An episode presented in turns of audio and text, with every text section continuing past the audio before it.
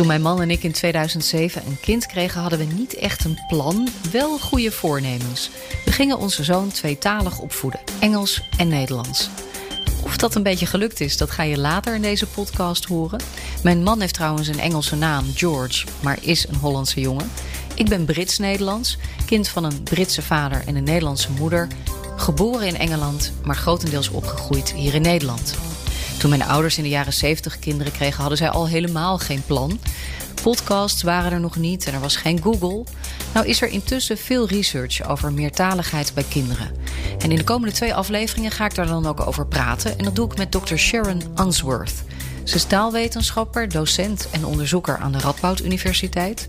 En Sharon maakt een podcast over meertaligheid, Kletsheads. Leuk dat je luistert. Ik ben Maria Punch. Over meertaligheid bij kinderen zijn veel aannames van die hardnekkige stellingen die maar terugkomen over wat nou goed, raadzaam of helemaal fout is. Met Sharon neem ik een aantal van die stellingen door. Deze bijvoorbeeld. Meertalige opvoeding moet je beginnen ruim voordat een kind begint met praten. Ja, nou, er zitten bepaalde verschillende aspecten daaraan, denk ik. Korte antwoord is: vroeg beginnen is aan te raden, maar laten beginnen betekent niet dat je niet meertalig kunt worden. Dus ik denk, um, ik denk dat het wel goed is, sowieso, als je in verwachting bent van een, uh, een kind en jij uh, een andere taal spreekt dan de omgeving waarin je woont, of een andere taal dan je partner, dat je echt goed nadenkt over, over ja, hoe gaan we het aanpakken. He, dus mm -hmm. dat je echt met een, een family language plan, wordt het vaak genoemd in het Engels, dat je daarover na gaat denken over hoe, hoe kunnen we het aanpakken. Dus ik, ik denk het is wel handig uh, een aan te raden om daar vroeg over na te denken, goed over na te denken. En ook omdat het, ja, kijk, op het moment dat een baby uh, er is, zit je met je hoofd met allerlei andere dingen. Voornamelijk ja, denk ik met uh, wanneer ga ik het volgende keer slapen.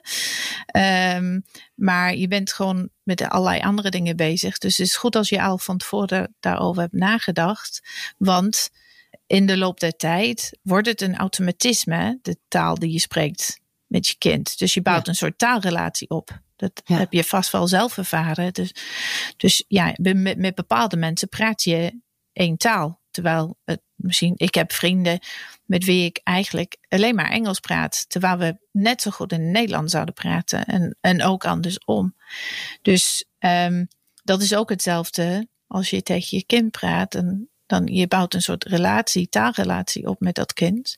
En ik denk dat als je beslist om, ja, op het moment dat zij bijvoorbeeld gaan praten, ik denk van oké, okay, nu, ga, nu kan ik echt gaan beginnen. Ze praten wel. Ik ga nu switchen van uh, Nederlands naar uh, mijn moedertaal, uh, wat dat ook mag zijn. Mm -hmm. Dat wordt heel lastig, denk ik. Lastig voor jezelf, mm -hmm. maar ook, nou, ik wil niet zeggen lastig voor een kind, maar de vraag is of, vooral als je die switch maakt van het Nederlands naar een andere taal. Dus als we, ik heb het over kinderen die nu opgroeien in Nederland. Het wordt wel lastig om ze van te overtuigen, als het ware, dat het de moeite waard is dat zij ook die switch maken. Want ja. als mama of papa prima Nederlands kan, dan ja, waarom zou je die moeite maken? Waarom maak je, ja, life shouldn't be so difficult, toch? Mm -hmm, ja. ja. Als, ik, als ik kijk naar mijn eigen zoon, die nu 13 is, en we hadden niet zozeer een family language uh, plan, maar we hebben het zeker eh, hebben het erover gehad. Mijn man is Nederlands, spreekt ook goed Engels. En we hebben in ieder geval bedacht, we willen graag dat ons kind uh, het Engels meekrijgt. Het Nederlands zal vrij automatisch gaan mm -hmm. via school en alles. Maar um, in het begin heb ik zeker, toen hij echt nog een kleine baby was, heb ik echt wel Engels met hem gesproken, maar ook wel Nederlands. Mm -hmm. En ja, een baby geeft gewoon nog niet zoveel terug. Dus natuurlijk praat je met je kind, maar die zit je ook af en toe een beetje zo lodderig aan te kijken. En op een gegeven moment was hij denk ik anderhalf. En toen ging zijn taal in één keer heel snel. En als een soort papegaai uh, zei hij alles na. En toen zei ik tegen mijn man, en we waren ook op vakantie in Italië. Ik zei, we moeten nu, vanaf nu, echt het Engels consequent met hem gaan spreken. Dat hebben we ook gedaan. Um, en natuurlijk ging hij ook naar de crash en kreeg hij daar Nederlands te horen. En hij heeft dat denk ik heel goed opgepakt. Dat, ja, dat zeg ik uh, onwetenschappelijk. Maar ik, ik voelde het moment van het is nu of nooit. Uh, en daarvoor was het dus eigenlijk een beetje een rommelige fase. Uh, hebben we dat dan, nou ja, goed gedaan tussen aanhalingstekens? Kijk, ik denk dat het zijn, zijn adviezen die je kunt geven. Hoe, hoe je meertalig opvoeden kunt aanpakken. Mm -hmm. En iedereen doet het eigenlijk op zijn of haar manier. Er zijn bepaalde dingen die, die echt af te raden zijn. Maar ik, ik ben er altijd voor om ja, niet te druk te maken over, ja, hebben we het nu rommelig gedaan? Nou ja, als, hoe, hoe, gaat het, hoe gaat het nu? Daar ben ik benieuwd naar. Gaat het, gaat het nu goed? Um, mm-hmm. Ja, dat is een beetje achteraf uh, kijken. Ik denk dat, dat jullie niet de enige zijn die in zo'n situatie zitten of hebben gezeten. Van we hebben, we hebben gewoon zomaar wat gedaan en daarna hebben we besloten: oké, okay, we gaan het zo gaandeweg beslissen hoe is het beste. En, ja. en, en, en vaak gaat dat prima. Soms ook niet. En het hangt ook af van ja, hoeveel ondersteuning krijg je dan, vooral als jij de, diegene bent die de, die de minderheidstaal spreekt. Hoeveel ondersteuning krijg je voor dat meertalig opvoeden? Dat is ook uh, een belangrijk, dat kan ook een belangrijke rol spelen in hoe, in hoever het succesvol is om dat aan te pakken op een latere moment. Mm-hmm. Um, ik denk dat het wel goed is om te beseffen dat ondanks het feit dat een kind niks zegt, dat er van alles en nog wat gaande is in het hoofd van een baby. Ja. He, dus het is niet zo dat ze gewoon uh, niet bezig zijn met taal. We weten uit onderzoek dat baby's echt in vooral hun eerste levensjaar van alles en nog wat ontwikkelen uh, en ontdekken over klanken in verschillende talen. Dus dat baby's in eerste instantie in staat zijn om allerlei verschillen te horen tussen talen, tussen klanken, de verschillende klanken die aanwezig zijn in, in verschillende talen. En dan in de loop van de eerste twaalf maanden gaan ze zich, zeg maar, fine-tunen, inzoomen op de klanken die zij zelf horen in een om omgeving. Mm-hmm. Um, dus in die zin is het wel aan te raden om zo vroeg mogelijk te beginnen. Uh, omdat je dan de, je kind het, de kans geeft om echt dat fine-tuning uh, te kunnen doen in die eerste twaalf, ja, pak een beetje twaalf maanden of zo. En misschien is het goed om ook nog even te vertellen uh, wanneer we bijvoorbeeld echt, wanneer gaan de meeste kinderen, er zijn natuurlijk altijd hè, uh, uh, een soort van gemiddelde, maar wanneer begint een kind met, met een eerste woord? Wanneer komt die spraak op gang? Ja, dus eerste woord is rond 12 maanden, mm-hmm. maar het kan ook later zijn. Um, en dan gaat het om combineren van twee woorden. Dat is vaak rond 18 maanden. Um, en daarna gaan kinderen ook dan meer dan twee woorden bij elkaar uh, uh, aan elkaar koppelen. Ja. Uh, dus en dan in zeker na 18 maanden merk je als ouder dat je kind ineens veel woorden gaat leren. Dus het heet in het Engels wordt de vocabulary spurt genoemd. Oh, dus dat mooi. het ja, dan gaat het gewoon keihard, gaan ze heel veel woorden leren. Um, en, en dat merk je dan meer, want ze zijn dan zelf uh, het een en het ander uh, aan het zeggen. Dat zijn allemaal soort richtlijnen. Want net zoals met lopen en eerste tand krijgen, zitten, heel, zitten er heel veel verschillen tussen kinderen. Dat mm. geldt ook voor die mijlpalen uh, als het gaat om de taalontwikkeling. Ik zou zeggen, als je kind twee jaar is en nog geen woord heeft gezegd, dan zou ik wel uh, op zoek gaan naar advies. Ik denk dat we langzaamaan naar de tweede stelling kunnen manoeuvreren. Ja? Uh, jij noemde net, zei je van er zijn een aantal dingen af te raden. En ik kan me voorstellen dat we die misschien meepakken bij deze tweede stelling. Die luidt: Voor een succesvolle meertalige opvoeding moet elke ouder zijn of haar eigen taal spreken met het kind. Dat is één manier, maar het is zeker niet de enige manier.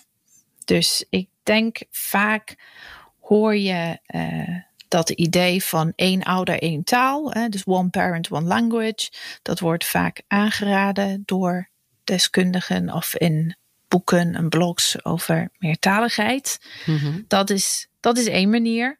Eh, wat we weten uit onderzoek is dat het niet noodzakelijk is. En het is, biedt ook geen garantie. Oké, dat, dat de ene ouder de ene taal moet spreken en de andere eh, een andere. Op nummer 1, als het gaat om de keuze van de taal die je wilt spreken tegen je kind, op nummer 1 staat de volgende vraag. Welke taal, in welke taal kan jij je uiten, eh, zodat je de relatie kunt hebben met je kind die je, zou graag, die je graag zou willen hebben? Hmm. Dus dat is het belangrijkste. Kijk, ik kan prima, ik kan prima Duits, eh, maar ik zou nog nooit tegen mijn kinderen in het Duits gaan praten, omdat mijn Duits, ik, voor mijn gevoel kan ik niet alles zeggen dat ik zou graag willen zeggen tegen een kind. Ja. Dus dat is, dat is een, een eerste vraag die je eh, moet stellen als, als ouder of ouder in sp.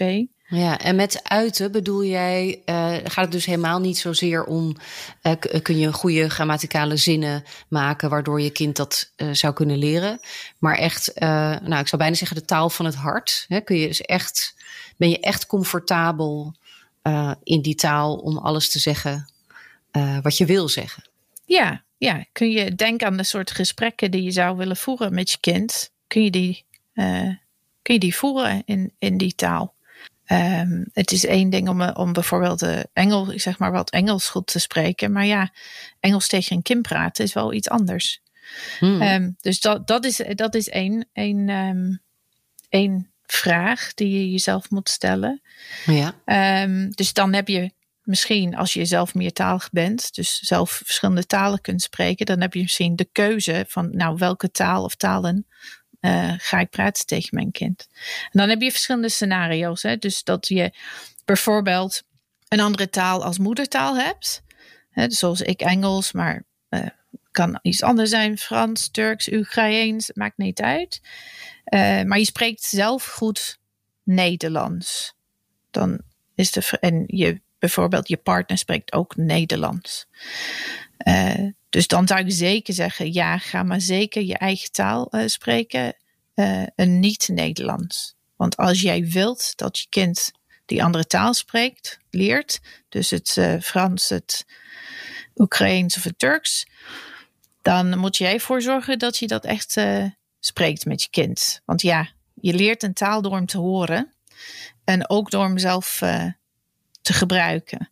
Dus het is ook belangrijk dat een kind kans krijgt om een taal te gebruiken, wil je dat uh, de taalvaardigheid zich goed ontwikkelt. Hier zoom ik even uit bij Sharon en zoom ik in bij mijn ouders. Ik kan mezelf niet herinneren dat wij een family language plan hadden. Het ging vaak een beetje door elkaar heen, het Engels en het Nederlands. Ik vraag het mijn vader Morris. So I think with us there was never a grand strategy. It was fairly natural. Uh, you know, I would talk to you and Julio on a Sunday, Saturday morning. Corey uh, spoke quite a lot of English at the time. So there was never any pressure or any conscious strategy. And it all went pretty kind of uh, fairly haphazard, I think, but very, very natural. And I think that um, both of you were very uh, easy at picking up uh, the English language. I mean, I, I, remember we would say be speaking a lot at home, Dutch. We'd go on holiday, and suddenly you were both speaking almost perfect English. So it was all inside there, you know, it was latent.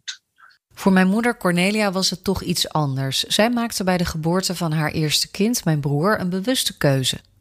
Ja, ik kan mij heel, heel goed herinneren dat het absoluut um, ging ik mijn kinderen Nederlands leren. Want ik wilde dat ze met mijn moeder konden spreken. En mijn broers en zussen die spraken allemaal wel wat Engels. Hè. Die hebben het allemaal op school geleerd, maar mijn moeder niet. En dat was voor mij heel belangrijk. Terug naar mijn gesprek met Sharon. We bespraken dus al de strategie van één ouder, één taal. Het kan goed werken, maar het is zeker niet zaligmakend. En er zijn ook andere keuzes te maken. Je hebt ook andere scenario's waar je bijvoorbeeld Nederlands als moedertaal hebt, maar je spreekt de andere taal, de taal van je partner, heel erg goed. Ik zei net, dat is wat wij doen thuis. Dus mijn, ja. mijn man is Nederlandstalige van huis uit. hij heeft besloten om Engels te praten tegen onze kinderen. Waarom? Omdat wij willen dat onze kinderen een heel goede basis hebben in het Engels. Nou ja, dat kan ook als jij bijvoorbeeld uh, een kind opvoedt met iemand die Spaanstalig is. Jij spreekt heel goed Spaans. En je denkt, nou, ik vind het belangrijk dat mijn kind meertalig is. Dan kun je ook voor kiezen om Spaans tegen je kind te praten. Mits dat jij daar je goed bij voelt. Hè? Mhm, en mits mhm. dat er natuurlijk genoeg taalaanbod in het Nederlands is buiten, buiten het huis om. Dus ik, er zijn ook andere factoren. Dus niet alleen welke taal jij zelf spreekt, maar ook hebben, welke taal spreken de ouders onderling. dus soms heb je scenario's waar gezinnen waar de ene ouder één taal spreekt, de andere ouder een andere. Dus wat concreter te maken. Stel dat uh, de ene ouder Zweeds spreekt en de andere ouder Nederlands, maar ze communiceren met elkaar in het Engels. dus dat gebeurt heel vaak, dat soort uh, combinaties.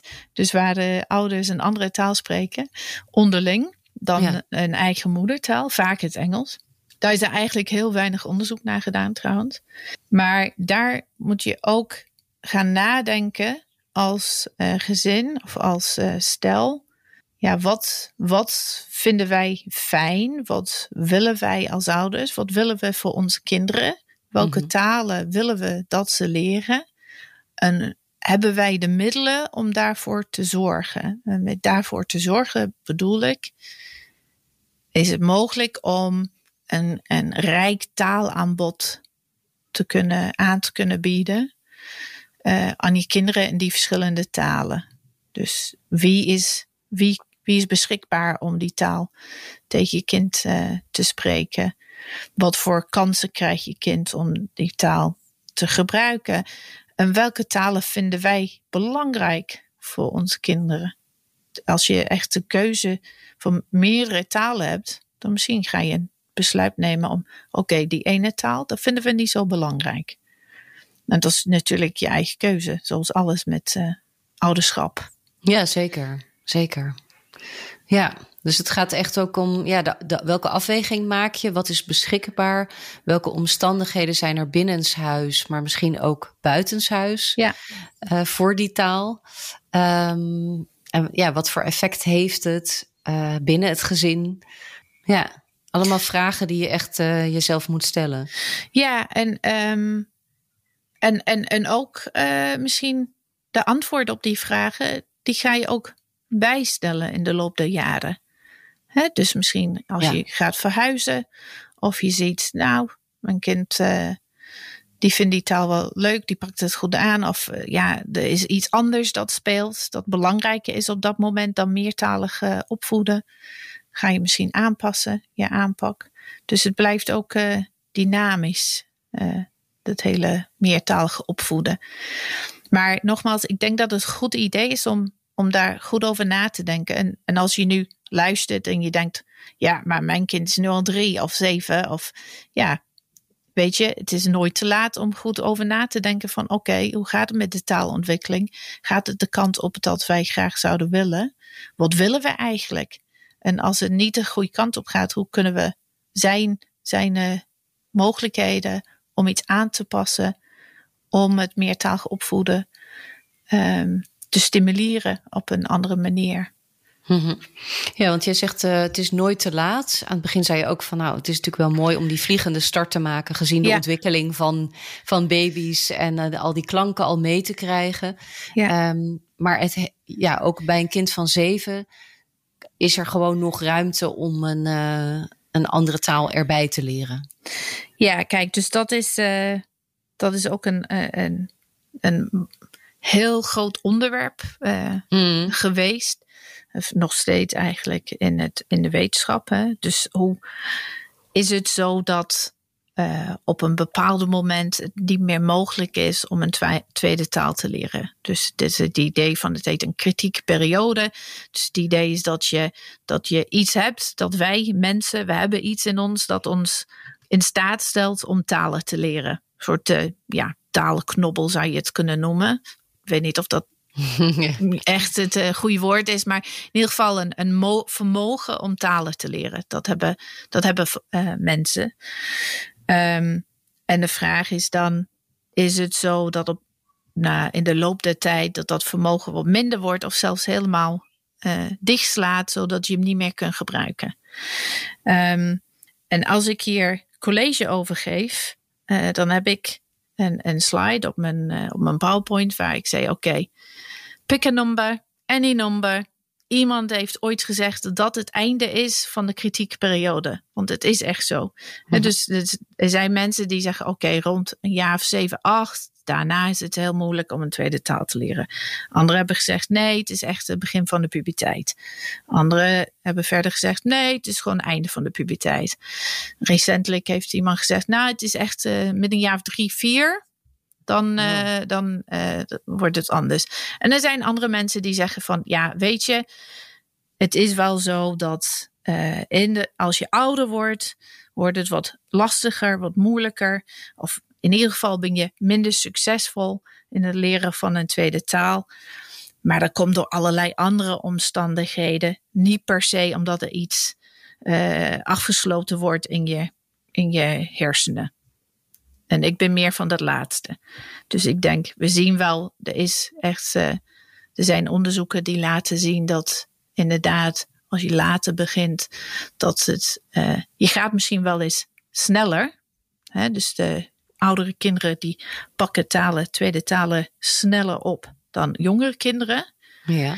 Uh, volwassenen pakken talen, tweede talen vaak ook sneller op in het begin dan jonge kinderen. Maar vaak wat we zien is dat het niveau dat uiteindelijk bereikt wordt, dat het wel hoger is als je jonger begint. Mm -hmm. Dus dat is zeg maar uh, een beschrijving van wat we zien. He, dus dat zijn de, de, de feiten als het ware de, de verklaring daarvoor. Ik denk niet dat er genoeg bewijs is dat dat ligt dan wat ik net zei over die kritieke periode. Hè? Dus dat de vermogen, dat uh, wordt wel. Uh, uh, gaat op slot. maar er zijn allerlei andere omstandigheden die ervoor zorgen dat het makkelijker is voor kinderen om dat betere niveau te bereiken. Hè? Dus stel je gaat naar verhuizen met je gezin naar een andere, naar Japan. Uh, als de kinderen naar Japanstalige school gaan, dan gaan zij, zitten zij dag in dag uit Japans te horen, met Japanstalige kinderen te, te, te spelen. Ja, zij gaan de taal natuurlijk wat sneller oppikken. Terwijl jij, jij gaat misschien één uur in de week naar je Japanse les. Voor de rest spreek je Engels, omdat je anders je niet begrepen, je niet begrepen wordt. Mm -hmm. uh, dan gaat het bij jou wat langzamer. En jij zit daar allerlei, oh wat is het ingewikkeld, uh, oh ik durf het eigenlijk niet. Weet je, dus er zijn allerlei andere factoren die ervoor zorgen dat uh, volwassenen of oudere kinderen iets anders talen, tweede taal op een andere manier leren dan jonge kinderen. Hoeft niet, heeft niet per se te maken met het feit dat er iets, dat het die kritieke periode is. Maar ik wil er wel voor alle duidelijkheid zeggen dat niet iedereen met mij eens is wat dat betreft. Blijft nog een discussie in de wetenschap. Het is nooit te laat om met de taalontwikkeling van je kind bezig te zijn. Dat is een mooie gedachte om het eerste deel van mijn gesprek met Sharon Unsworth af te sluiten. In de volgende aflevering leg ik haar nog enkele stellingen voor over meertalig opvoeden. En ze beantwoordt de vraag die haar het vaakst wordt gesteld: Hoe zorg ik ervoor dat mijn kind mijn taal blijft spreken? Dankjewel voor het luisteren. En wil je meer weten over het werk van Sharon? Check dan de show notes. Die vind je op bnr.nl slash podcast slash woordwaarde. Tot de volgende!